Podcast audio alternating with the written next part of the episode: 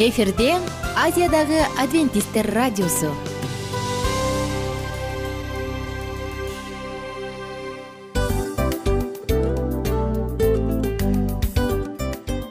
Достор салют. Баардык сүйүктүү угармандарыбызга салам айтабыз. Кутман күнүңүздөр менен. Ден соолук өмүрдүн булагы демекчи саламат саамы программасында баарыңыздарды көргөнүбүзгө абдан кубанычтабыз. Анда алгач амандашып өтөлү арбаңыздар деп. Ден соолугуңуздар кандай элибизде көбүнчө ден соолук кандай дегенде эле жакшы деп жооп беребиз э? ооруп турсак дагы жакшы дейбиз. Анан мен муну айтып ойлойт элем бул абдан сонун сөз депчи анткени бул жакшы деген үмүт да э ооба. баары жакшы болот. Баары сонун. Деп үмүттөнүп атып эле өзүбүздү өзүбүз дарылап коебуз.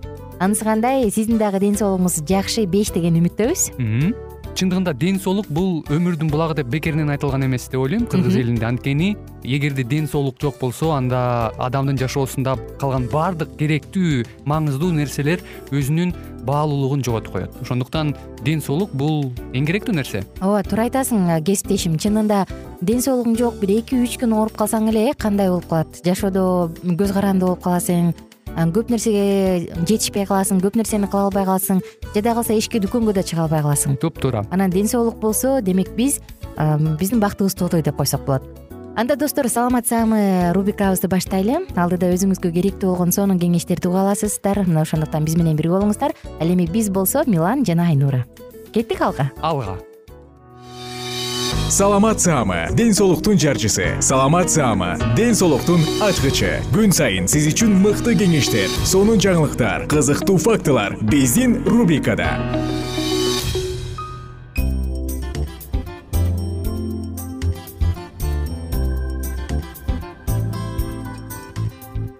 салам достор. Жалпы биздин сүйүктүү угармандарыбызга салам. Дагы бир жарык күндө дагы бир сонун күндө дагы бир жолу сиздер менен амандашып саламдашып программабызды баштаганга мүмкүнчүлүк бар экенине абдан ыраазымын. Жана толкунубуздагы угармандарыбыздын баардыгына ысык салам. Эмне дейбиз достор? Сиздерге кааларыбыз албетте биринчи байлык ден соолук. Жана бүгүн убада кылынгандай эле мурунку темабызды улантабыз. Мурунку темада эсиңизде болсо биз өпкө жөнүндө сөз кылганбыз. Жана кызыктуу маалыматтарды бир аз кайталай кетсем өпкө бир гана дем гана алып же болбосо адамды кислород менен гана организмди камсыздабастан ал биздин организмди кычкыл көмүр газынан тазалайт. Тагыраак айтканда таштандылардан отходдордон дагы тазалайт экенин эске салганбыз. Жана адамдын өпкөсү жатында пайда болгон учурдан үчүнчү жумада эле анын өпкөсү пайда боло баштаарын дагы айтканбыз. Жыйырма жаштагы адамдын өпкөсү жаңы төрөлгөн баланын өпкөсүнөн жыйырма эсе чоң деп айтып өткөнбүз жана элүү жаштан ары өткөндө өзгөчө жетимиш жаштан өтүп калган кезде өпкөдө инволютивдик процесстер өтө көп байкалат дегенбиз тагыраак айтканда өпкө дагы картая баштайт. Жаратылышынан өпкөнүн өңү розовый розовый деп коебуз. Бул кызгылт өңдө биз канчалык көп дем алган сайын жылдын өтүшү менен ал кара түскө боело баштайт. Тагыраак айтканда карая баштайт бирдей баштайт мына ушундай достор эми биз андан ары саатыбызды уланталы дагы өпкө тууралуу кызыктуу маалыматтардан дагы бирин айталык. Ар бир биз дем алган сайын кислородду организмге алабыз ал эми демди чыгарган сайын организмден көмүр кычкыл газын чыгарабыз. Ошондуктан терең дем алып терең дем чыгарганды унутпаңыздар. Негизи эле дем алуунун негизинде дагы ар кандай көнүгүүлөрдү жасап коебуз э жасап турушубуз керек жана бул туура. Күнүнө өпкө аркылуу он миң литрдей аба сыртка чыгып айланып турат.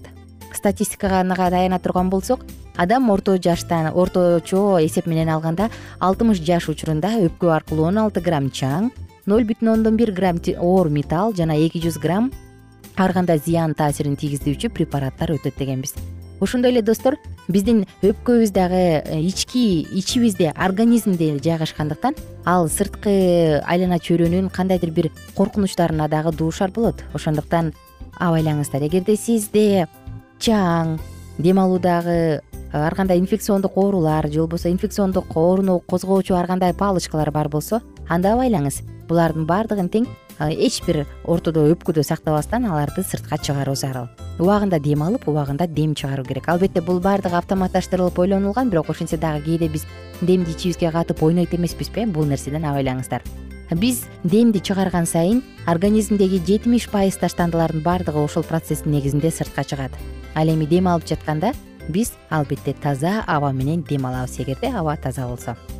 Өпкө экөө оң жана сол өпкө бар билебиз муну? Оң өпкө үч бөлүктөн турат ал эми сол өпкө эки гана бөлүктөн турат. Өпкөгө аба мурун көңдөйү аркылуу келет тамак аркылуу өтөт кекиртек аркылуу өтөт эгерде биз туура дем ала турган болсок анда албетте кекиртек аркылуу өтөт. Эгерде туура эмес ооз аркылуу дем ала турган болсок анда колко аркылуу өтөт. Эмне себептен муну айтып жатам? Анткени биздин туура дем алуубуз бир уктурууда да айтып өткөнбүз кайталап өтсөм ашыкча болбос биздин туура дем алуубуз мурун аркылуу болушу керек. Эгерде сиз кышында өзгөчө ооруп калуунун алдын алсаңыз же балдардын шарф тагынып жүргөнүн көрбөсөңүз анда бул нерсени алдын алыш керек. Анткени мурун аркылуу дем алганда биздин дем алган абабыз мурун көңдөйүнөн өтүп тамакка келип кекиртектен өтүп отуруп өпкөгө чейин ал жылып калат. Эгерде ооз аркылуу дем алсак ал дароо колкодон өтөт дагы өпкөгө муздак аба барат. Мунун негизинде пневмония жана башка өпкө оорулары пайда болушу мүмкүн. Ошондуктан достор туура дем алыңыз. Өзгөчө кышкысын ооз менен эмес мурун менен дем алыңыз. Тилекке каршы ооруп калган кезде мурун бүтүп оозубузду ачып балыктай суусап акактап калабыз дейчи бирок ошентсе дагы колдон келишинче мурун менен дем алган жакшы. Жана кичинекей балдарды түшүндүрө албайсың э? Мисалы бир бир жарым жаштагы баланы ай сен мурдуң менен дем ал деп. Ал баары бир оозун жүжүдөй болуп ачып алат ошондуктан андай балдардын оозуна шарф байлап койгонду унутпаңыздар. Өпкөнүн мышцалары булчуңдары болбойт бирок ошого карабастан ал түздөлө алат кыскара алат бул өз ара. Кантип десеңиз албетте ал дем алуучу кыймылдардын негизинде кыскарат жана түзөлүп турат бул кабыргалар арасындагы булчуң жана диафрагма ага туура дем алганга жардам берет. Ошондой эле достор биз көбүнчө айтабыз э эки өпкө бирдей деп. Же болбосо өпкөнүн сүрөтүн тартканда биз эки окшош өпкөнү тартып коебуз. Бирок чын чынына келгенде андай эмес. Өпкөлөрдүн көлөмү эки башка. Сол өпкө кичинекейирээк болот. Мына ошонун негизинде ошонун аркасынан биздин жүрөгүбүзгө көбүрөөк орун калат.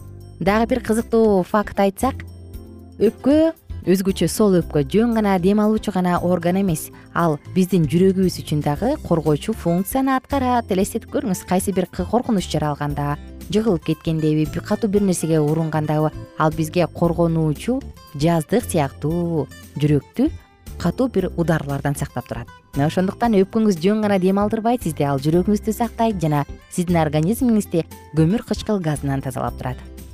Дагы бир нерсе айта кетели достор. Эми тилекке каршы өпкөнүн дагы оорулары бар коркунучтуулары бар. Көпчүлүк адамдардын арасынан биз көрүп угуп эле жатабыз э өпкөнүн рак оорусу деп. Эгерде дал ошол рак оорусунун алдын алгыңыз келсе анда сөзсүз түрдө чылымдан баш тартыңыз баардык баардык өпкө оорусуна өпкөнүн рак оорусуна чалдыккан адамдар сөзсүз түрдө өмүрүндө тамеки чеккен чегип жүрүшкөн же болбосо. Мына ошондуктан эгерде сиз дагы чылым чеккен адамдардын катарында уктасаңыз анда аны таштаганга шашылыңыз анткени бул жакшылыкка алып келбейт. Дагы бир кызык маалымат айтайынчы. Эмнеге бул өпкө деп аталат деп ойлонуп көрдүңүз беле? Көрсө сууга ыргытканда чөкпөй суунун үстүндө калкып турган жалгыз гана орган дал ушул өпкө экен. Мына ошондуктан ал өпкө деп аталып калыптыр. Анда анын ичинде сөзсүз түрдө бир литр суу жок дегенде ой бир литр аба жок дегенде запаста болот. Ичинде аба болгондуктан ал сууга чөкпөй үстүндө капкалып турат өпкөнүн ооруну сезүүчү кандайдыр бир рецепторлору жок. Эгерде сизде дем алып дем чыгарып жатканда өпкөңүздүн ооруганын байкасаңыз анда шашылыш түрдө доктурга көздөй жөнөңүз доктурду көздөй жөнөңүз. Жапонияда кызыктуу маалымат айтсам жапонияда аба ушунчалык кирделген кир абалуу шаарларында атайын клубдар бар. Ал жерде аба таза жана ароматташтырылган. Мына ошол жака барып дем алып турушат. А биз болсо тоонун этегиндебиз аба ушундай таза ошондуктан таза аба менен дем алып өзүңүздүн өпкөңүздүн саламаттыгына кам көрүңүз. Кайрадан амандашканча достор сак саламатта туруңуздар. Саламат саама ден соолуктун жарчысы. Саламат саама ден соолуктун ачкычы. Күн сайын сиз үчүн мыкты кеңештер сонун жаңылыктар кызыктуу фактылар биздин рубрикада. Салют замандаштар баарыңыздарга ысык салам дил маек программабызга кош келиңиздер. Дил маек рубрикасы дегенде эле бул эмне болгон дил маек? Ким менен маектешебиз деп сурайт болуш керек угармандарыбыз бул рубриканы кыскача тааныштыра кете турган болсок ар тарап кесип ээлеринен болгон сонун интервью кеңештер бар. Ооба. жылдыздар менен болгон маек бар. Аталарыбыздын агаларыбыздын чоң аталарыбыздан сонун кеңештер бар. Ошондой эле эже сиңдилердин кеңештери бар айтор. Баардык кызыктардын баары алдыда. Негизи эле адам баласы бир кимдир бирөөнө ишенип сырын ачкысы келет эмеспи э мындай баарлашууга жакын келебиз го. Албетте. Негизи бир жерге отуруп алып кенен шашпай баягы жүрөктөн жүрөккө ачып сырларыбызды ар кандай көйгөйлөрүбүз менен бөлүшүп баягы чын жүрөктөн маек курганды кимибиз сүйбөйбүз э? Ооба десең ал нерсеге суусап да келебиз да. Ооба кээ бирде адамга чындыгында баягы э, ысык маек баягы жылуу маек жетишпейт да. Ошондуктан биз ушул рубриканы ойлоп тапканыбызда эң биринчи эле достор сиздер менен чын жүрөктөн бир маңыздуу темаларды козгоп кеткени э, кааладык. Ошондуктан ушундай сонун бир рубриканы тартуулап жатабыз. Анын үстүнө радио дагы сонун дос да анткени э, мындай учурда досуңа айтсаң досуң досуна айтат досу досуна айтат да анан бүт өлкө билип калышы мүмкүн го. А радио болсо сени сатпаган сенин айыбыңды ачпаган сенин сырыңды эч кимге айтпаган сонун дос ошондуктан биздин алдыдагы айта турган кеңештерибизди биздин досторубуздун кеңештерин угуп анан ал жака пикириңизди дагы калтырып кайрадан биз менен байланышсаңыздар болот. Деги эле жашооңузга эгерде кичине болсо дагы өзгөрүү алып моралдык жактан моралдык жактан сонун бир кеңештерди алсаңыз демек биз максатыбызга жеттик. Ооба. Чыңгыз атабыз улуу жазуучу э, чыңгыз айтматов айткандай адам болуу бул күнүмдүк процесс экен. Күн сайын адам бойдон калуу бул адамзатка эң эле кыйын дейт э? э эң кыйын дейт. Чындыгында бунун негизинде адамдын эң баягы сапаттуулугу адамдын э, адамгерчилиги жана көптөгөн керектүү нерселер. Мына ошол темалар дагы бизде э, ушул дил маекте биз аларды да козгойбуз. Ден соолук жөнүндө да сүйлөшөбүз. Сөзсүз түрдө. Анан милан мырза негизи айтып коюшат го? Биз көбүнчө эмнени ойлонсок ошол нерсеге карата иш кылабыз го? Ооба. Анан анысы кандай балким бул радио баракчада кимдир бирөөнүн оюн текшергенге жардам берет кимдир бирөөнүн жүрөгүн текшергенге жардам берет. Балким кимдир бирөөгө жашоонун маңызын тапканга жардам берет айтор кызыктын баары алдыда бул жөн гана кыскача жарнама анда угармандарыбыздын баардыгын кийинки рубрикабызга чакырабыз. Ал эми кызматта маңдайымда отурган кесиптешим милан жана мен айнура. Анда эмесе биз даярдаган терең терең ойлор менен таанышууга кеттик. Алыс алыс баралык анда эмесе достор биз менен бирге болуңуздар. Алдыда эң кызыктуу маалыматтардын баардыгы бир нече мүнөттөр бою жалгыз гана сизге арналат. Мына ошондуктан жакшы маанай менен угууну каалайбыз. Үн алышканча. Жөнөдүк. Ар түрдүү ардактуу кесип ээлеринен алтын сөздөр жүрөк ачышкан сыр чачышкан сонун маек дил маек рубрикасында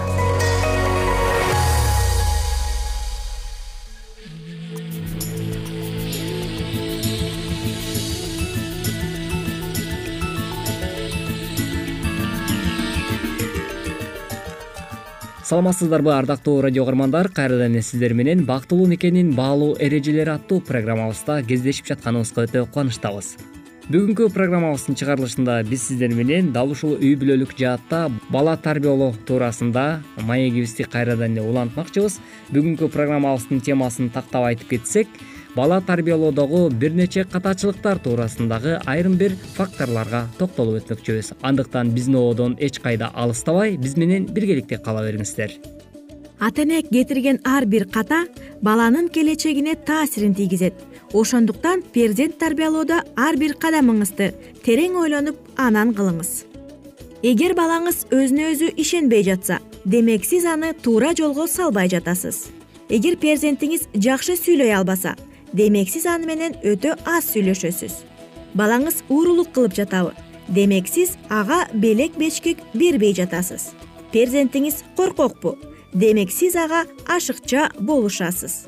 Балаңыз башкаларды урмай адаты барбы. Демек сиз анын жанында катуу добуш менен сүйлөйсүз. Перзентиңиздин кабагы дайым бүркөбү. Демек сиз аны эч мактабайсыз. Балаңыз ашыкча кызганчаакпы демек сиз аны менен жакындан сүйлөшпөйсүз. Перзентиңиз башкаларга карата агрессивдүүбү демек сиз ага карата катаал мамиле кыласыз. Балаңыз алсызбы демек сиз аны көп коркутасыз. Перзентиңиз ар дайым сиздин тынчыңызды алабы демек сиз аны эркелетпейт экенсиз. Балаңыз сизге моюн сунбай жатабы демек сиз андан көп нерсени талап кыласыз. Перзентиңиз түнт болуп калганбы демек сиз өзүңүз менен гана убара экенсиз. Мына ошентип жогорудагы айтылып өткөн айрым бир факторлор сиздин жашооңузда дагы орун алып жаткан болсо анда сиз үй бүлөдө бала тарбиялоо жаатында бул нерселерге көңүл бурганыңыз абдан зарыл экен. Андыктан бул нерселерди сөзсүз түрдө эске алып коюңуз. Ата эне үчүн бала өмүр бою бала. Бирок ата эненин милдети баланын акылдуу билимдүү толук кандуу адам кылып чыгаруу бул милдетти аткаруунун баланын эс тартып коеюй дегенде түшүнүп калуусун күтпөй. Ымыркай кезинен баштоо керектигин билип алыңыз. Андыктан кыргыз элинде айтылгандагы эң жакшы сөз бар эмеспи баланын туулганына сүйүнбө анын торолгонуна сүйүн деген дагы кеп бар эмеспи демек бул сөздүн төркүнүнө карай турган болсок сен балаңды татыктуу тарбияла деген маанини берип жатканды туюндурат эмеспи. Андыктан бул жаатта дагы урматтуу радио каармандар биз сөзсүз түрдө бүгүнкү учурда сиз өзүңүздүн чүрпөңүзгө кандай тарбия берип жатасыз бул нерсеге ар бир ата эне көңүл буруусу зарыл экен. Ал эми биз болсо алдыда дал ушул бала тарбиялоо жаатында дагы бир нече кеңештер менен бөлүшүп өтмөкчүбүз.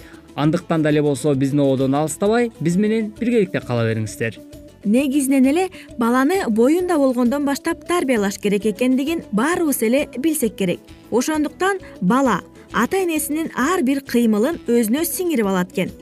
Боюнда болгон кезде энесинин үнү бала үчүн эң алдыңкы нерселер. Энесинин үнү музыка сымал аны угат ошол үчүн түйүлдүк болгондон баштап эле сиз балаңыз менен сүйлөшө берсеңиз абдан жакшы болот экен мисалга дагы классикалык музыкаларды көбүрөөк уксаңыз балаңыз акылдуу болот дешет. Классикалык музыка түйүлдүккө эң жагымдуу экен.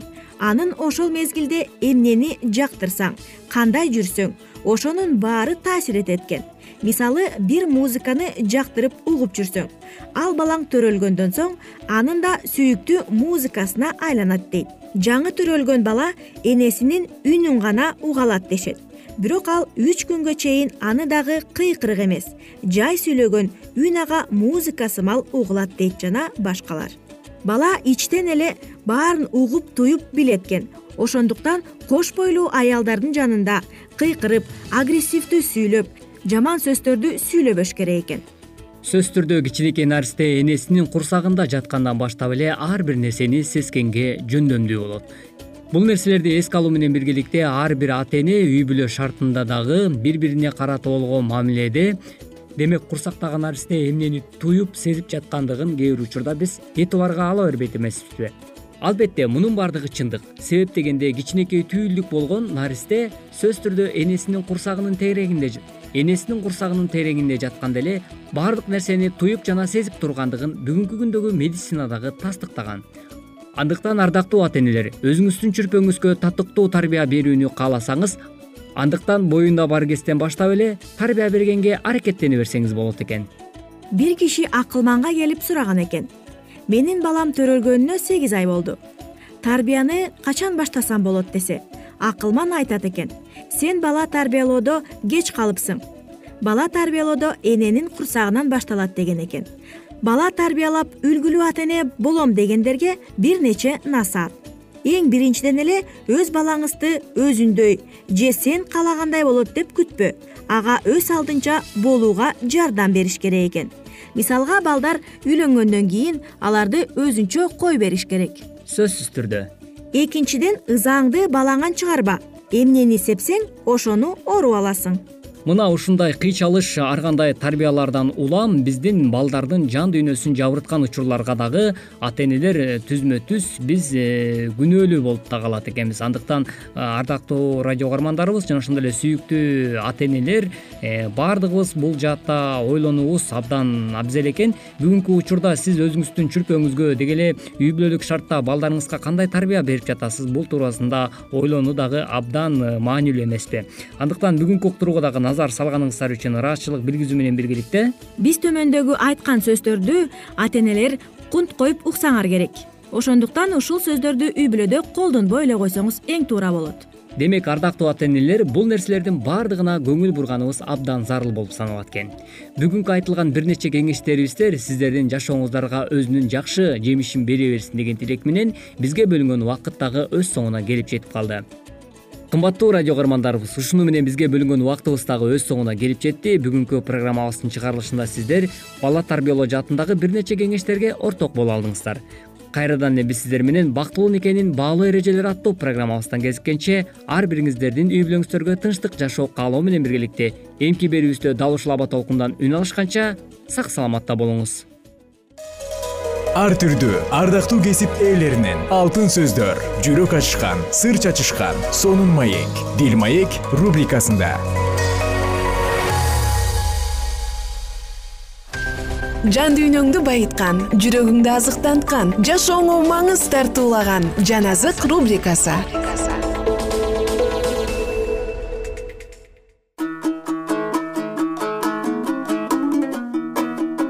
салам достор. Жалпыңыздар менен амандашып э, куткарылуу тарыхы деп аталган китепти кайрадан бирге улантабыз. Ар бириңиздерге көңүлдүү маанай жана көңүлдүү мүнөттөрдү каалайм. Биз менен бирге болуңуздар. Анын жанына балка менен казык сыяктуу жасалма мыктарды алып келишти. Жана бул казыктар ыйсанын колдорун тешип өткөндө эсинен танган ыйса машаяктын энесин шакирттер бул зөөкүрдүк жасалып жаткан жерден сырткары алып кетишти ыйса машаяк эч кандай арыз муңун айткан жок. Анын кансыраган кубарган өңү деле дагы деле момундукту көргөзүп чекесинен чыпылдаган тер тамчылары чыгат. Жана ушул чыгып жаткан жан терди аарчып кое турган кол табылбады. Жана анын адамдык жүрөгүнө кайрат берип эч ким ишенимдүүлүгүн көргөзүп кубаттоо сөзүн айткан жок. Ал кыйынчылыкты жалгыз көрдү. Адамдар арасында ушул анын азаптуу учурунда аны менен бирге болгон эч ким табылбады. Жоопкерлер өздөрүнүн жийиркеничтүү зөөкүрлүк иштерин аткарып жатышканда ыйса машаяк эптеп кыбыраган эрди менен өз душмандары үчүн сыйынып жатты. Ата буларды кечирип кой анткени эмне кылып жатышканын билишпейт лука жыйырма үч отуз төрт. Машаяктын бул сыйынуусу ар бир күнөөкөр үчүн айтылган. Ал кайсыл мезгилде жашабасын башындабы же аягындабы айырмасы жок машаякты казык менен айкаш жыгачка кадашкандан кийин бир нече жоокер аны айкашкан жыгач менен бирге көтөрүшүп атайын дайылданган чуңкурга таштап жиберишти. Бул анын кыйналып турган денесине жанагыдан дагы катуу оорундук болду.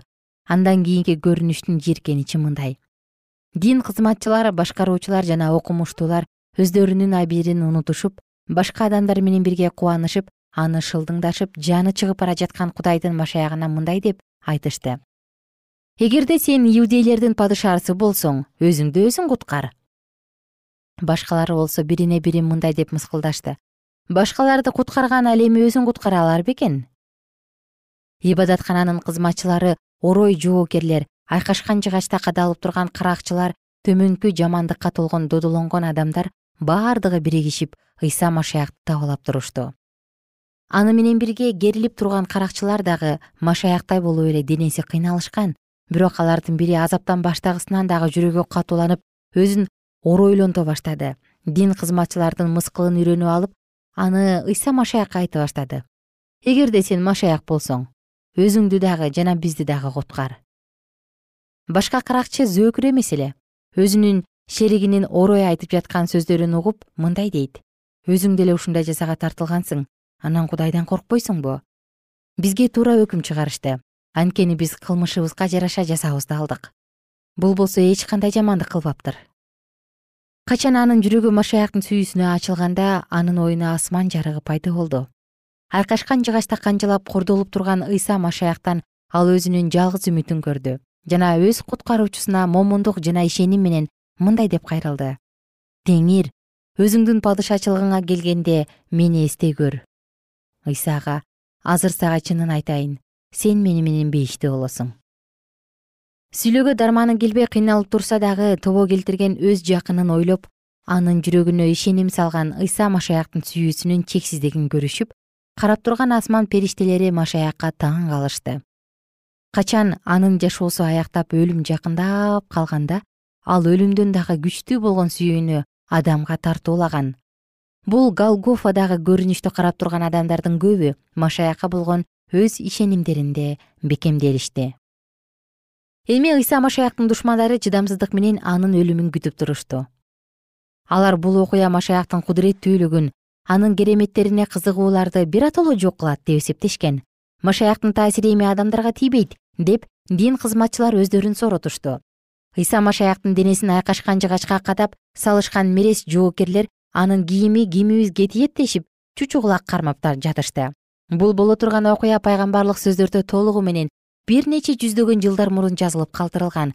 Курчап алып дөбөттөр кутургандай тооруду колу бутум теше сайып каардуулар тобу кордоду сырт кийимим үчүн чучу кармашып кийимдеримди бөлүп жатышат деп жазылган забур китеби жыйырма биринчи бап он алтынчы он сегизинчи аяттарда. Балалык сүйүүдөн ала турган сабак. Ыйса машаяк керилген айкаш жыгачтын алдында чогулган элдин арасына машаяк өзүнүн тунарган көз кырын чаптырды да өз шакирти жакан колтуктап кармап турган энесин көрдү. Мариям эсине араң келип уулу жазаланып жаткан каргашалуу жерге башкалардын колдоосу менен кайра келет. Ыйса машаяк адамдарга берген акыркы сабак бул баланын сүйүүсү жөнүндөгү сабак болду. Өз энесинин кайгыдан мүгдүрөгөн жүзүн көрүп жанында турган жакын шакиртине карап энесине мындай деп айтат. Зайып эми сенин уулуң мына бул андан кийин жаканга бул сенин энең деди. Жакан бул айтылган сөздү жакшы түшүнүп жана бул ыйык милдетти кабыл алды. Ал ошол замат машаяктын энесин бул каргашалуу жерден шыр эле алып кетти. Ошондон тартып ал мариямды өз үйүнө алып ал үчүн ишенимдүү камкордук көргөн. Машаяк көргөзгөн баланын сүйүүсү кылымдар бою караңгылыкты жарык кылып жаркырай берет. Өлүм алдында кыйналып турганда дагы машаяк кайгыдан мүгдүрөп турган эненин келечеги жөнүндө камкордук көрдү. Эми машаяк бул дүйнөгө келип аткара турган иштеринин баардыгы аткарылды. Ал суусап жатам деп үн катты. Жоокерлер болсо ага өрт аралашкан сирке сууну жумшак соргучка сордуруп жыгачка сайып оозуна жакындатышты. Ал аны ичейин деп иче алган жок. Өмүрдүн жана даңктын куткаруучусу адамдарды күнөөдөн куткарыш үчүн мына ушинтип өлдү. Кудай атанын адамдарга тие турган каары ага тийгендиктен жана адамдардын күнөөлөрүн ал өзүнө жүктөп алгандыктан анын иче турган чөйчөгү өтө ачуу болуп анын жүрөгүн ушунчалык катуу кыйнаган. Кымбаттуу угарман бүгүн сиздер менен адамдын тагдырын чече турган эң чоң тарыхтагы окуяны окуп өттүк. Бул окуя бир учурда болуп калган эмес бул окуя ар бир күнү сиздин жана менин жашоомдо кайталанып турат анткени сиздин дагы ар бир күнөөңүз үчүн машаяк өз жанын берген. Ошондуктан анын сүйүүсүн кабыл аласызбы? Анын куткарылуусун кабыл аласызбы? Же жокпу? Бул сиздин эркиңиз. Жаратканым сиздин жүрөгүңүзгө тынчтык берсин жана өзүнүн чындык жолуна салсын. Жалпыңыздар менен убактылуу коштошом жана кийинки уктуруудан амандашканча сак саламатта туруңуздар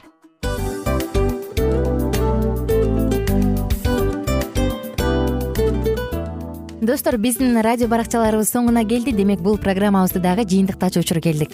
Учурга келдик. Анан кесиптешимден сурагым келип турат. Негизи эле иштин башталып атканы кубандырабы сени же жыйынтыгы кубандырабы? Албетте жыйынтыгы. Себеп дегенде сен кылган ишиңдин жыйынтыгын көрүп э, баягы мөмөсүн көрүп дегендей жыргайсың жүрөгүң жемишинен татып э кандай даамдуу деп. Баягы буудай сепкенде эмес буудай эгинди жыйнагандан кийин ысык нанды жегенде кадимкидей ырахаттанасың го. Ой айтпа туура айта кеттиңиз. Сонун салыштыруу болду анан мен дагы абдан кубанып турам анткени биз угармандарыбыз үчүн аябай эмгектенип келген уктуруубуздун соңуна келип калдык. Анан эми э, уктуруубуздун соңунда угармандар кандай пайда алып калды экен деп күтүп турам да. Балким э, менин жашоомо өзгөрүү киргизе турган сонун сөздөр болду мен ушул нерсени изилдеп анан кабыл албасам ушул нерсени кылбасам деген чечим чыгарсаңыз анда биз абдан кубанычтабыз. Сөзсүз түрдө. Андыктан кийинки биздин кызыктуу уктурууларыбыздан көрүшкөнчө сак саламатта калыңыздар. Чыдамсыздык менен сиздерди мен милан жана кесиптешим айнура күтөбүз. Баардык угармандарыбызга ийгиликтүү күн каалайбыз. Качан гана болбосун уртуңуздан жылмаюу кетпесин үйүңүздө көмүр жүрөгүңүздө көңүл болсун дейли